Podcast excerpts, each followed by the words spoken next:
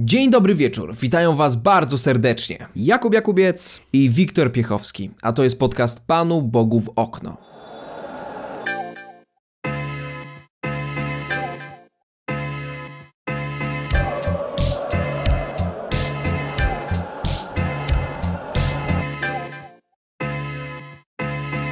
Kibice Ligi Hiszpańskiej muszą nam wybaczyć ale nie będziemy mówić o El Clasico, który już za nami.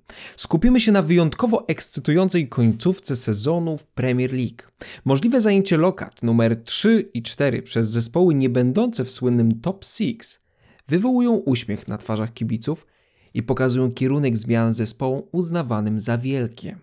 Panie Jakubie, co nam mówi tabela na ten temat? Tabela w zasadzie mówi nam tyle, że jest bardzo duży ścisk, że jest ciasno i że wiele zespołów liczy się cały czas w walce o europejskie puchary. Nie mówię już tutaj tylko o Lidze Mistrzów, bo tutaj faktycznie możemy zawężyć te zespoły do 5, 6, 7 miejsca. Myślę, że to jest jeszcze realne, żeby te zespoły, y, czyli Chelsea, Liverpool i Tottenham powalczyły o top 4. Natomiast miejsca od 8 do 11 myślę, że spokojnie mogą cały czas liczyć się w walce o europejskie puchary o Ligę Europy. Tutaj mm, jak najbardziej wszystko jest cały czas możliwe, tym bardziej, że Zauważ, że ten sezon jest bardzo mm, taki sinusoidalny, jeżeli chodzi o formę poszczególnych zespołów, że mieliśmy fenomen y, Evertonu, potem był fenomen y, również Aston Villa, mm, wiele zespołów prezentowało się z tego top 6 właśnie ustawowego top 6 prezentowało się poniżej oczekiwań, w związku z czym wiele zespołów mogło wskoczyć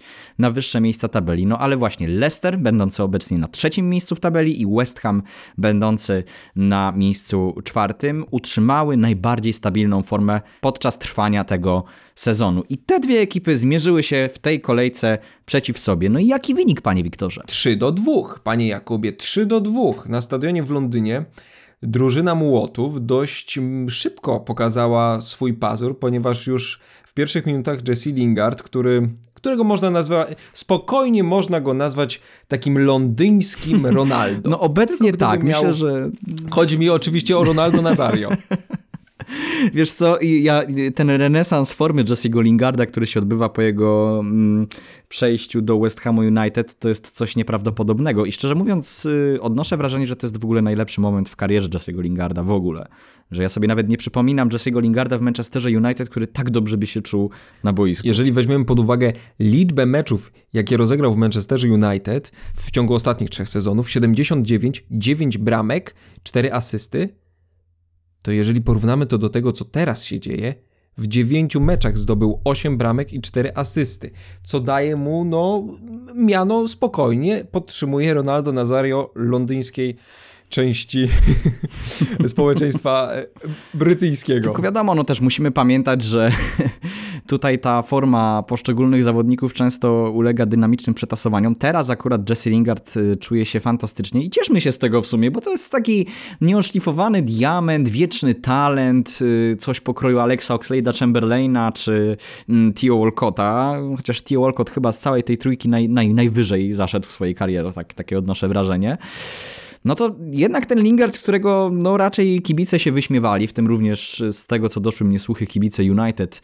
także raczej nie pałali z wielką sympatią do tego zawodnika.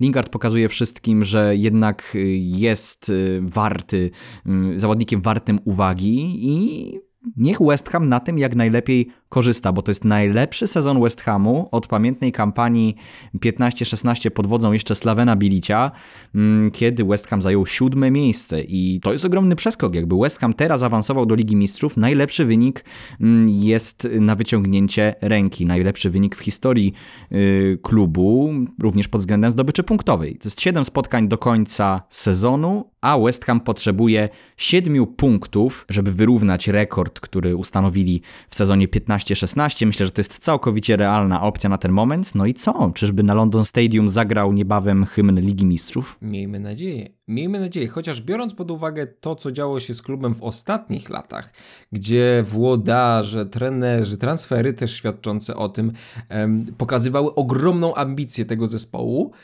I zauważ, coraz większa presja nie służyła tej drużynie. Kompletnie nie. Coraz większe oczekiwania konfrontowały się z coraz większym rozczarowaniem, czego może być na przykład ostatni sezon świadectwem, czy, czy pr- praktycznie wszystkie do 2016 kończąc. No tak, no tutaj mieliśmy właśnie sezon pamiętny 15-16, e, zajęli siódme miejsce, później było 11 miejsce w sezonie 16-17, następnie 13 miejsce, 10.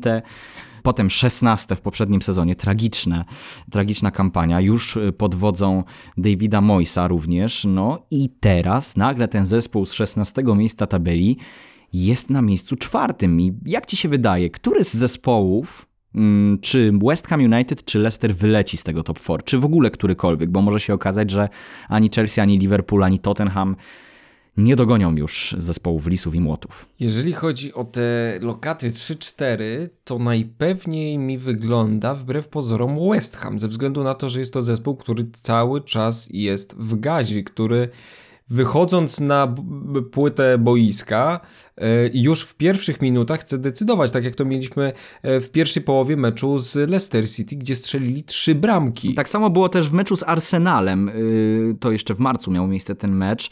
No tylko, że West Ham ma trochę problem z końcówkami. To może tylko martwić, że te końcówki, tam bardzo dużo jakiejś niefrasobliwości się wkrada w szeregi obronne West Hamu i nie tylko. Mm, No i dowodem na to były te dwie bramki Keleciego i Janacho w meczu właśnie z Leicester City, czy też właśnie yy, fakt, że ten mecz z Arsenalem, w którym West Ham również wysoko prowadził, skończył się jednak remisem. Zwróćmy uwagę na jeszcze jeden fakt, a mianowicie skład. Zauważ, pozbyli się Alera, Felipe Andersona. Do tego na szpicy jest Antonio.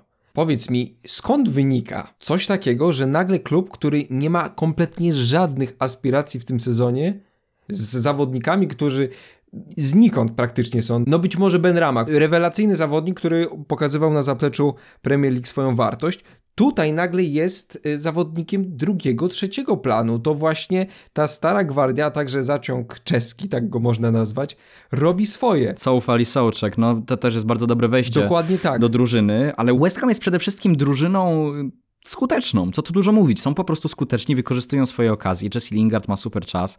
Jarrod Bowen też wygląda na to, że się przebudził. A to jest zawodnik, któremu ja też szczerze mówiąc nie wróżyłem żadnej przyszłości po tym, jak w Hull City tam miał jakieś przebłyski, ale no, nie spodziewałem się, że ten transfer ym, będzie, będzie jakimś realnym wzmocnieniem dla West Hamu, szczerze mówiąc. Natomiast y, te, te ruchy transferowe, tak jak mówiłeś, pozbyto się zawodników, którzy kosztowali bardzo duże pieniądze, a które West Hamowi wcale nie dawały jakichś wielkich korzyści. Mm, Był ten taki pamiętny sezon, gdzie sam Dimitri Paye mm, ciągnął te drużyny, no ale potem było tylko gorzej tak naprawdę i ten zespół stracił tak naprawdę na jakości, podczas gdy nazwiska mm, w cudzysłowie się zgadzały, tak? Że, że mieliśmy nazwiska mm, światowego formatu, zawodnicy, którzy kosztowali bardzo dużo milionów euro y, czy funtów i nie spłacali się w żaden sposób. A tutaj kompletnie niespodziewanie właśnie ten West Ham, który na papierze nie wygląda wcale jakoś potężnie, stał się rewelacją ligi w tym sezonie i to jest kolejny, myślę, taki przykład zespołu, który będąc raczej kiepską drużyną w poprzednim sezonie, odnosi spektakularne sukcesy w kolejnym. No, mieliśmy przykład y, Sheffield United, które w poprzednim sezonie było fantastyczne, a w tym sami widzimy, co się z zespołem y, stało. Tak samo był Wolverhampton.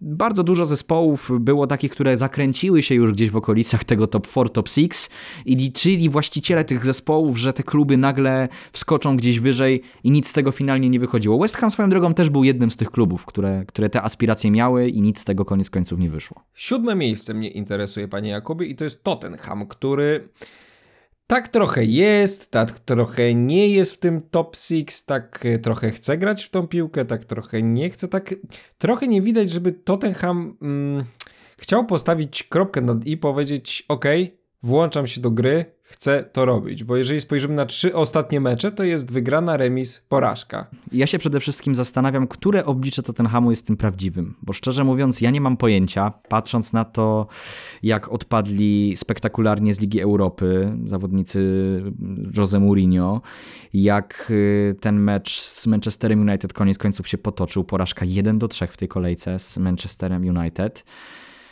W czym jest więcej prawdy? Czy w Tottenhamie, który w wyrachowany sposób zwycięża mecze za sprawą fantastycznego duetu Son Kane? Czy ten Tottenham, który traci trzy bramki w meczu z Dynamo Zagrzeb i, i marnotrawi tak naprawdę całą swoją przewagę, którą wypracował w poprzednim spotkaniu? Nie wiem. Szczerze mówiąc nie wiem. Jose Mourinho mam wrażenie, że jest takim człowiekiem w czepku urodzonym, bo za każdym razem, kiedy zaczyna, zaczynają się jakieś przebąkiwania, że mógłby zostać zwolniony, to on nagle odbija się jakimś dobrym meczem i ucieka spod tego mm, topora katu. Ja nadal nie jestem do końca przekonany, czy zatrudnienie Jose Mourinho, którego bardzo szanuję jako trenera, było po prostu dobrym e, momentem i w e, czasie atmosfery, jaka panowała po e, dojściu, no powiedzmy sobie historycznym Tottenhamu do finału Ligi Mistrzów, w którym zmierzyli się z Liverpoolem i nie wiem do końca, czy, czy to było dobre zagranie i wydaje mi się, że Lewi chyba troszkę może sobie pluć w twarz, ale to nie jest moja sprawa. Miejmy nadzieję, że Tottenham wróci bo, bo mają świetnych zawodników.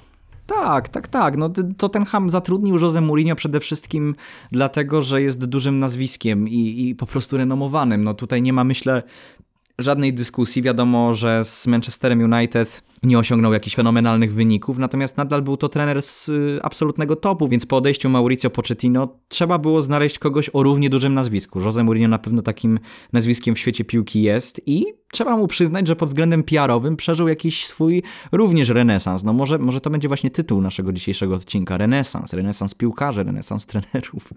Renesans wiem, no, klubów. Renesans klubów, no, no tak, no w przypadku West Hamu zdecydowanie. Musimy się nad tym zastanowić w takim razie. Ale Jose Mourinho no, tak jak mówię, tak jak wspomniałem wcześniej, tutaj myślę, że ma bardzo, bardzo dużo szczęścia. Tottenham mnie nie przekonuje, szczerze mówiąc. Bardzo polega na dwóch zawodnikach, którzy jeżeli nie mają akurat dobrego dnia, to no, nie jest zbyt, zbyt ciekawie.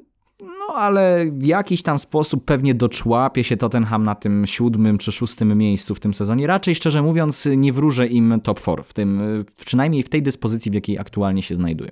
W takim razie pójdźmy ciutkę wyżej. Miejsce szóste Liverpool. Pozwolę sobie zacząć ten temat, ponieważ moim zdaniem głównym tutaj aspektem em, dającym jakiekolwiek pole manewru, jeżeli chodzi o no właśnie, tak plącze się, plącze trochę jak Liverpool, ponieważ wydaje mi się, że tutaj zmęczenie jest główną przyczyną tego, co się dzieje z zespołem, ponieważ zobacz, wypadło dwóch, czy właściwie trzech podstawowych obrońców, zespół boryka się z problemami kadrowymi, do tego dochodzi czteroletnie granie na najwyższym poziomie, na najwyższym poziomie i w europejskich rozgrywkach, i w angielskiej Premier League. Gegenpressing dało sobie znać w końcu. Gegenpressing dał sobie znać, tylko mm, wydaje mi się, że ten sezon oni muszą przetrwać, po prostu przetrwać, powiedzieć sobie ok, dobra, zaczynamy jeszcze raz, nie było tematu od początku. Jak najbardziej, taki sezon Liverpoolowi po tych czterech latach, które nam e, zafundował Jurgen Klopp, jak najbardziej się należą. Mnie martwi przede wszystkim, no wiadomo, nie będziemy się rozwodzić na temat Liverpoolu, ale martwi mnie to, że Klopp w pewnym sensie nie wyciąga trochę wniosków i cały czas jak beton trzyma się tego ustawienia 4-3-3 i nie za wiele to przynosi efektów w tym sezonie. Mam wrażenie, że zawodnicy właśnie są bardzo, tak jak mówisz, przemęczeni. Widać, widać to w ich nogach po prostu. Nie ma już takiej skuteczności, nie ma już tego takiego drygu, tej płynności, którą imponowali w tych poprzednich rozgrywkach i w poprzednich kampaniach. Na pewno pandemia też dała o sobie znać. Jestem pewny, że, że, że to też miało bardzo duży wpływ na dyspozycję zawodników. No oprócz tego też pech, tak? No, to, że wypadł Van Dijk, y, że, że nie ma Matipa, że nie ma Gomeza, mm, to jest y, w zasadzie no, totalne podziurawienie szyków Liverpoolu, które tą obroną stał przede wszystkim. No i tutaj nawet Aleksander Arnold czy Robertson nie mają, nie mają dobrych sezonów, nie, nie rozwijają skrzydeł, bo nie, nie czują się pewnie też bezpiecznie. Wiesz, co mnie martwi w, w Liverpoolu? Martwi mnie to, że nie mają zawodników, którzy mogą zmienić e, przebieg meczu na boi na ławce rezerwowych. Do czego zmierzam? Ja myślę, że Żota jest takim zawodnikiem. Żota, ale zobacz, to mówimy o, i mówimy o jednym zawodniku, który ma taką możliwość. Kiedyś był nim Shakiri, o Origi, no i teraz trochę tego nie ma. Trochę zawodnicy, którzy kiedyś stanowili o sile e, ławki rezerwowych, mm, są zastąpieni na przykład Curtisem Jonesem, który ma bardzo dobre wejście do zespołu, trzeba to akurat przyznać. Jak najbardziej, jak najbardziej, tylko mówię, że trochę zmierzam do tego, że nie ma zawodników, którzy są w stanie zaproponować coś innego. W momencie, jak wypada trend Alexander Arnold, nie ma osoby, która wejdzie na prawą obronę i da coś innego. Da, dajmy na to, nie wrzutkę, pobiegnięcie y, do końcowej linii i wrzutkę, tylko na przykład zejdzie do środka. Mówimy tutaj o tym, że Jurgen Klopp nie ma zawodników kreatywnych na swoich pozycjach, tylko ma zawodników, którzy albo są ze szkółki, którzy naoglądali się swoich e, mistrzów, którzy aktualnie grają w pierwszym składzie, albo osoby, które mają wykonywać robotę, coś w rodzaju ucznia w klasie. Ma robić robotę, nic nie mówić, do widzenia. Tak na przykład jak, jak był na obronie Klawan, tak? On przyszedł z kompletnym zadaniem. On jest na obronie, jak czwarty wypadnie, to on wchodzi. I trochę, trochę u Jurgena Kloppa tego mi brakuje, coś z czym sobie nie poradził. No Ozan Kabak, Ozan Kabak nie jest zbyt pewną opcją, niestety to Widać, że wchodzi do zespołu. udowodnił w kilku swoich występach, meczu z Realem na przykład, w swoim debiucie też Tak. wypadł bardzo blado. No nie wiem, ja szczerze mówiąc nie jestem przekonany co do Kabaka. Wierzę, że ten chłopak ma talent, ale w momencie, w którym Liverpoolowi bardzo nie idzie, to widać, widać kto tutaj jest słabym ogniwem. Ale tak samo Thiago Alcantara, zobacz. Bardzo słabe E, wejście do zespołu. Zespół Liverpoolu był tak poukładany, jeżeli chodzi o zawodników. Każdy z zawodników wiedział kompletnie, co ma zrobić. W każdym aspekcie widać było, że ta drużyna działała tylko w momencie, jak są dane jednostki na boisku. W momencie, jak wypada kilka, nagle nie wiadomo, co robić. Nagle się pojawia problem. Nie ma schematu, tylko są jednostki, wobec których został zbudowany schemat. Więc tu wydaje mi się, że Jurgen Klopp musi przeanalizować sytuację odnośnie dobrych y, nie zastępców, tylko uzupełnień składu, które mogą wnieść coś świeżego do zespołu. A może to jest właśnie jakaś taka taktyka specjalna Jurgena Kloppa, żeby po prostu doczłapać się już w tym sezonie do końca i potem latem myśleć o jakichś wzmocnieniach, które zapewnią przynajmniej stabilizację przypadku, gdyby więcej zawodników mogło wypaść. Myślę, że ten mecz z Realem Madryt y, bardzo obnażył wiele, wiele takich aspektów Liverpoolu, które może nawet Liga y, Angielska nie jest w stanie wykazać. No tutaj, no szczerze mówiąc, nie wiem, czy oglądałeś to spotkanie, natomiast zdecydowanie Real był stroną dominującą, był stroną lepszą. Jak najbardziej oglądałem i bardzo mnie to raziło jako kibica Liverpoolu. Ale zobaczymy, może odrobią, może odrobią, bo my nagrywamy to w poniedziałek. Miejmy nadzieję. Więc y, miejmy nadzieję, miejmy nadzieję, miejmy nadzieję. my lubimy angielskie drużyny, sympatyzujemy z nimi, więc y, Oj, piękne określenie. to, to jest Y, Na koniec jeszcze Chelsea. Chelsea, y, lokomotywa się zaczyna dziać tam i bardzo dobrze. Młodzi zaczynają grać. Kai Havertz wreszcie wygląda jak pan piłkarz.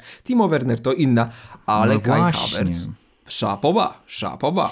Kai Havertz został znowu wystawiony na pozycji tak zwanej fałszywej dziewiątki, przynajmniej ja to tak odczytuję, bo on raczej był takim trochę wolnym elektronem, ale to jest, zobaczyłem pierwszy raz w meczu z Crystal Palace, wygranym przez Chelsea 4 do 1, pierwszy raz zobaczyłem tego Kaja Havertza, którym zachwycaliśmy się w zeszłym sezonie w Bundeslidze, kiedy był także wystawiany na tej pozycji i robił co chciał. Była taka jedna sytuacja w meczu z Crystal Palace, przy której ja się złapałem za głowę, jak to zobaczyłem, jak Kai Havertz na zupełnym luzie przerzucił sobie piłkę nad głową, nad zawodnikiem drużyny przeciwnej i prawie z tej sytuacji zdobył bramkę, tylko Guaita tak, Tak. naprawdę drużynę uratował, ale elegancja i taka, mm, taka precyzja, z jaką wszystko wykonywał na boisku Havertz, bo tutaj też mieliśmy y, oczywiście asystę, Christian Pulisic także się bardzo, bardzo ładnie pokazał. Piękne. Ta brameczka na 2 do Piękna 0 bramka. absolutnie Piękna. mm, to był majstersztyk. Top, Top, top, jakby top, to powiedział top. y, prezes PZPN-u. Y, No i tak jak mówisz, tutaj wygląda to całkiem dobrze. Pominąłbym mecz z West Bromem. Faktycznie nie był to dobry występ i A, każdemu może się po,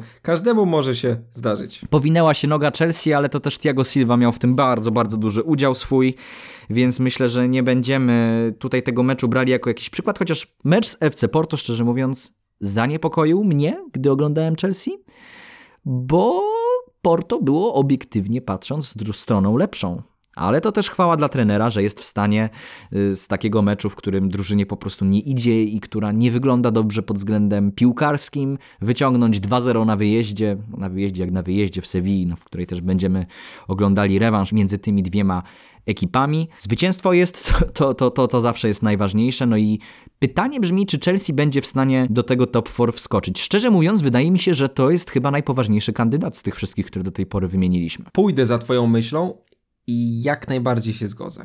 Ponieważ Leicester chyba może paść ofiarą e, Chelsea właśnie. Nie West Ham, tylko Chelsea. Za chwilkę do, do, do Leicester właśnie przejdziemy, ale jeszcze zostając przy Chelsea, porozmawiajmy jeszcze chwilę na temat y, tych młodych zawodników. To jest niesamowicie ciekawe, bo od odejścia Edena Azarda wygląda na to, że jest tylko jeden piłkarz, który był w stanie wejść w jego buty i nie zostałby odkryty, gdyby Frank Lampard nie piastował tego urzędu menedżera Chelsea, a mianowicie Mason Mount. Jego wspaniały Golden Boy to jest chyba jedyny piłkarz aktualnie w składzie Chelsea, o którym my możemy powiedzieć, że jest faktycznym liderem tego zespołu. Mimo swojego bardzo młodego wieku. Ja nie przypominam sobie meczu, w którym Mason Mount ewidentnie by zawiódł. Mam na myśli tutaj mecz, w którym reszta składu grała słabe spotkanie, to zazwyczaj Mason Mount w takich spotkaniach był postacią wyróżniającą się. Był postacią, która potrafiła wejść z ławki, strzelić bramkę, zaliczyć kluczowe podanie. I bardzo, yy, bardzo pozytywny, myślę, że największym pozytywem te, tej kadencji Lamparda to było odkrycie Masona Mounta, bo takich zawodników kupuje się za grube miliony w dzisiejszym futbolu, za bardzo, bardzo duże pieniądze. Kai Havertz zobaczymy, bo na razie nie za wiele szans dostawał, tam też były problemy z kontuzjami, ale to też musimy pamiętać o jednej bardzo ważnej rzeczy. Thomas Tuchel bardzo tą kadrą rotuje, i myślę, że też na tej rotacji y, opiera się cała potęga Chelsea aktualnie, czyli ta bardzo, bardzo szeroka ławka. Jedynie chyba Manchester City może się pochwalić tak, tak szeroką ławką, no i wyniki ma takie, jakie ma. A co ty sądzisz o aktualnym składzie Chelsea? Ja bym zwrócił uwagę na dwóch zawodników. Jednego już wymieniłeś, Masona Mauta i jeżeli chodzi o Anglika, zwróciłbym uwagę szczególnie na jego dojrzałość na boisku, na to jak potrafi, mimo tego, że ma obok siebie e, Kowacicia, Kantę, Hudsona Odoi, który jest bliżej jego wieku, ale ma tak samo Timo Wernera i e, Ziecha, który jest doświadczony i zdecydowanie bardziej. Jeszcze się znajdzie Christian Pulisic. Mimo dookoła siebie posiadania e, doświadczonych zawodników, Mason Mount wygląda przy nich jak Frank Lampard za czasów gry w Chelsea. To on dyryguje całą grę. I oglądanie tak młodego zawodnika z tak dojrzałym oglądem sytuacji na boisku, no po prostu rajcuje mnie jako kibica, rajcuje, to jest piękne słowo w tym wypadku, do czerwoności. Nawet przeciwko Polsce błyszczał Mason Mount. Nie chciałem tego mówić, ale tak, to racja. Jeżeli chodzi o drugiego zawodnika, to jest nim Kurt Zuma. No nagle facet potrafi grać. Nagle facet potrafi grać, nagle facet potrafi dograć piłkę na drugi koniec boiska pięknym przerzutem. No. Christensen też. To właśnie to jest zabawne, że z tej takiej całej elektrycznej obrony Chelsea, chyba najbardziej elektrycznych stoperów, w cudzysłowie oczywiście, w Premier League, nagle Thomas Tuchel potrafił złożyć całkiem stabilną linię defensywną. Także to, to, to wygląda obiecująco, tylko pytanie, co będzie dalej, bo na razie miesiąc miodowy trwa, tylko pytanie, co będzie, gdy ten miesiąc miodowy się skończy. Oby to nie nastąpiło, zobaczymy. może nastąpi, może nie nastąpi, zobaczymy, bo Thomas Tuchel ma różne przygody z zespołami, które prowadził.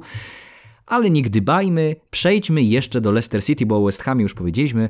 Chelsea jest aktualnie piąta, West Ham jest czwarty, a trzecie jest Leicester City pod wodzą Brendana Rodgersa. No. Panie Wiktorze. Zespół, który z roku na rok się rozwija, który z zawodników nikomu wcześniej nieznanych tworzy gwiazdy światowego formatu. Tak można to określić, ale wracając do aktualnej Nie sytuacji... zawsze tak nieznanych, no patrząc I- na Jurego Tilemansa, który no, już jakąś renomą się chyba w Monako jednak cieszył. Już wcześniej nawet No, ale- w Anderlechcie. W przypadku Didiego na przykład, jak najbardziej. Jak najbardziej. Sojunczu. Ta, tak samo Fofana.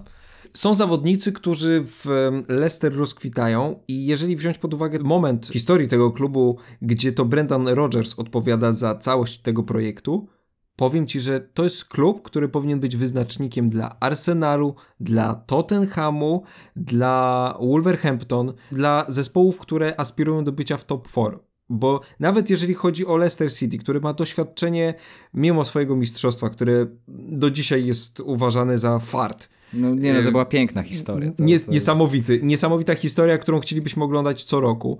Ale jeżeli weźmiemy pod uwagę Znudziłoby nam się. tak, to to inna sprawa. Ale jeżeli chodzi o pracę, jaką wykonuje zespół, pieniądze, jakie inwestuje nie w zawodników, tylko inwestuje, teraz, mówię teraz, mówię od, od momentu Brendana Rodgersa, tylko inwestuje na przykład w ośrodek treningowy, który przepiękny wybudowali. Widać, że ten zespół pomału, krok po kroku zbliża się do zbliża się do upragnionego miejsca właśnie w tym top 4. Tylko obawiam się jednej rzeczy w przypadku Lisów, a mianowicie końcówek sezonu. Te końcówki sezonów zazwyczaj są takie no, mieszane bardzo. To bardzo, samo było w bardzo. zeszłym roku. I to już teraz nawet mieliśmy próbkę, tak? No, dwa, dwa spotkania teraz przegrane przez Leicester i Leicester straciło trochę ten gaz, który miało na początku y, tego sezonu i w w środku także tego sezonu. Myślę, że jednak chyba z tej dwójki West Ham-Leicester to Leicester jest bliżej wypadnięcia z czwórki, no ale to są tylko moje prognozy, no i może się nagle okazać faktycznie, że Leicester dotrwa, może nawet powalczy o drugie miejsce, mała szansa, ale jednak jakaś jest. Do momentu e, ostatniego gwizdka mecz jest nadal No, wygrany. Oczywiście, że tak. Oczywiście, że tak. Także no tutaj wprawdzie mecz bezpośredni z West Hamem, mecz o tak zwane 6 punktów y, przegrany przez Leicester City, Y, a było blisko, bo Kelechi Janacho się tutaj uruchomił. Miejmy nadzieję, że ten chłopak wejdzie w buty Jam- Jamie'ego Wardiego. Porozmawiajmy jeszcze w takim razie, skoro jesteśmy, skoro już omówiliśmy tych głównych kandydatów do walki o Champions League, możemy porozmawiać chwilę o tym, jak często spotykamy się z takim One Season Wonder, prawda? Często mówimy tak na temat y, zawodników, ale w tym wypadku porozmawialibyśmy o tym może na przykładzie klubów, bo co sezon mamy jakieś takie rewelacje, które myślimy już, y, że będą na stałe walczyć o te najwyższe cele. Po czym przychodzi tak naprawdę jeden rok i te wszystkie cele są weryfikowane. Zgodzisz się? Jak najbardziej. I szczególnie to widać w angielskiej Premier League. Bardzo to widać w angielskiej Premier League. Także ten West Ham, na przykład, którym teraz się zachwycamy, który jest skuteczny, który mm, owszem, czasami popełnia jakieś tam błędy, ale wyniki ma bardzo dobre, może się okazać, że w przyszłym sezonie, tak jak Sheffield United na przykład, będzie drużyną skazaną na porażkę, bo też swoją drogą musimy pamiętać o jednej bardzo ważnej rzeczy. Zazwyczaj, kiedy w grę wchodzą jeszcze puchary europejskie, to te zespoły, pamiętam taki przykład był chyba Burnley w którymś z sezonów Premier League, że nagle obniżają bardzo loty w lidze, bo brakuje pary, brakuje tej ławki szerokiej i tak dalej, i tak dalej. Tak samo Wolverhampton w tym sezonie, które pokazało nam dość, dość dobitnie, że cały zaciąg portugalski, jaki posiadają w swoim składzie, nie jest wystarczający, aby zwojować całą Europę. Raul Jimenez odpadł i Tak. klops. I nic się nie dzieje. I nie ma dobrego zastępstwa, nie ma zawodnika, który zna ten schemat gry. I nawet William Jose, który jest bardzo doświadczonym napastnikiem, udowadniał to wielokrotnie w Realu Sociedad San Sebastian, no niestety nie jest w stanie wskoczyć w buty Meksykanina. Jest to bardzo skomplikowana sprawa, no i te, te, myślę, że też ten okres, y, jaki teraz mamy, trudny, wiadomo, też bardzo, myślę, wpływa na to, że, że te sezony, one są takie niestabilne teraz. Chociaż dla nas kibiców to może i lepiej właśnie, że nie ma tych takich jednoznacznych hegemonów. No, Manchester City wszedł w tę rolę koniec końców, ale jakoś jest chyba ciekawiej, tak mi się wydaje, niż kiedy znamy mistrza w połowie sezonu i, i, i tej walki po prostu nie ma. W tym wypadku też znamy No tak, mistrza, tak. Pierwsze dwa już- miejsca myślę, że już tutaj możemy Puchary można czyścić i, i wicemistrzostwo, ale właśnie chyba to jest najbardziej ciekawe w tym sezonie, w tym bardzo nieprzewidywalnym sezonie, że nadal mimo wszystko nie wiemy, jak to będzie na koniec wyglądało. Na koniec chciałbym jeszcze jedną rzecz powiedzieć, że jako kibic życzę sobie więcej takich sezonów, ponieważ do końca się emocjonuję, a nie od początku wiem, kto będzie mistrzem. A ja przede wszystkim życzyłbym, żeby te sezony odbywały się już z pełną widownią, żebyśmy wyszli z tego całego kryzysu, bo no wiadomo, sztuczny doping jest w porządku, on bardzo dobrze nam zastępuje obecność kibiców na trybunach, ale myślę, że to często też widać na samym boisku, że piłkarze po prostu nie mają w sobie tego poczucia adrenaliny, jakie towarzyszy meczom na najwyższym poziomie. I myślę, że Liga Mistrzów jest na to bardzo dobrym przykładem, bo tam akurat sztucznego dopingu nigdy nie ma i możemy bardzo, bardzo dobrze usłyszeć e, wszystkie uwagi, które są Tak, wszystkie komentarze pod adresem mm, kierowane od trenerów do tak, że adresatami tych uwag są piłkarze i że w ogóle jakaś ta atmosfera jest dziwna i ja, ja widzę to też, że piłkarze czują, że jest dziwnie. Może już się do tego przyzwyczaili, ale wielu z nich podkreśla, że jednak to nie jest to samo, gdy nie ma fanów, więc oby jak najszybciej. Oby jak najszybciej. Stany Zjednoczone są dobrym, myślę, przykładem, że da się. I, i, i, i myślę, że tutaj będziemy, będziemy szli w dobrym kierunku. W Stanach Zjednoczonych już wpuszczają na poszczególne wydarzenia. No, Ro- Rosja też pokazała, że da się. No dobra, no ale to wiesz. Mówmy o bardziej. bardziej przyziemnych może przykładach, powiedzmy. Miejmy nadzieję na to, że jak najszybciej wrócimy. Dzisiaj mieliśmy również tak na zakończenie dobrą informację przekazaną przez e, media sportowe na całym świecie, że podobno rozważana jest obecność kibiców na Euro 2020. Miejmy nadzieję, że tak się stanie. I co? I życzymy Wam e, kolejnych dobrych informacji. A byli z Wami Jakub Jakubiec. i Wiktor Piechowski, a to był podcast Panu Bogu w okno.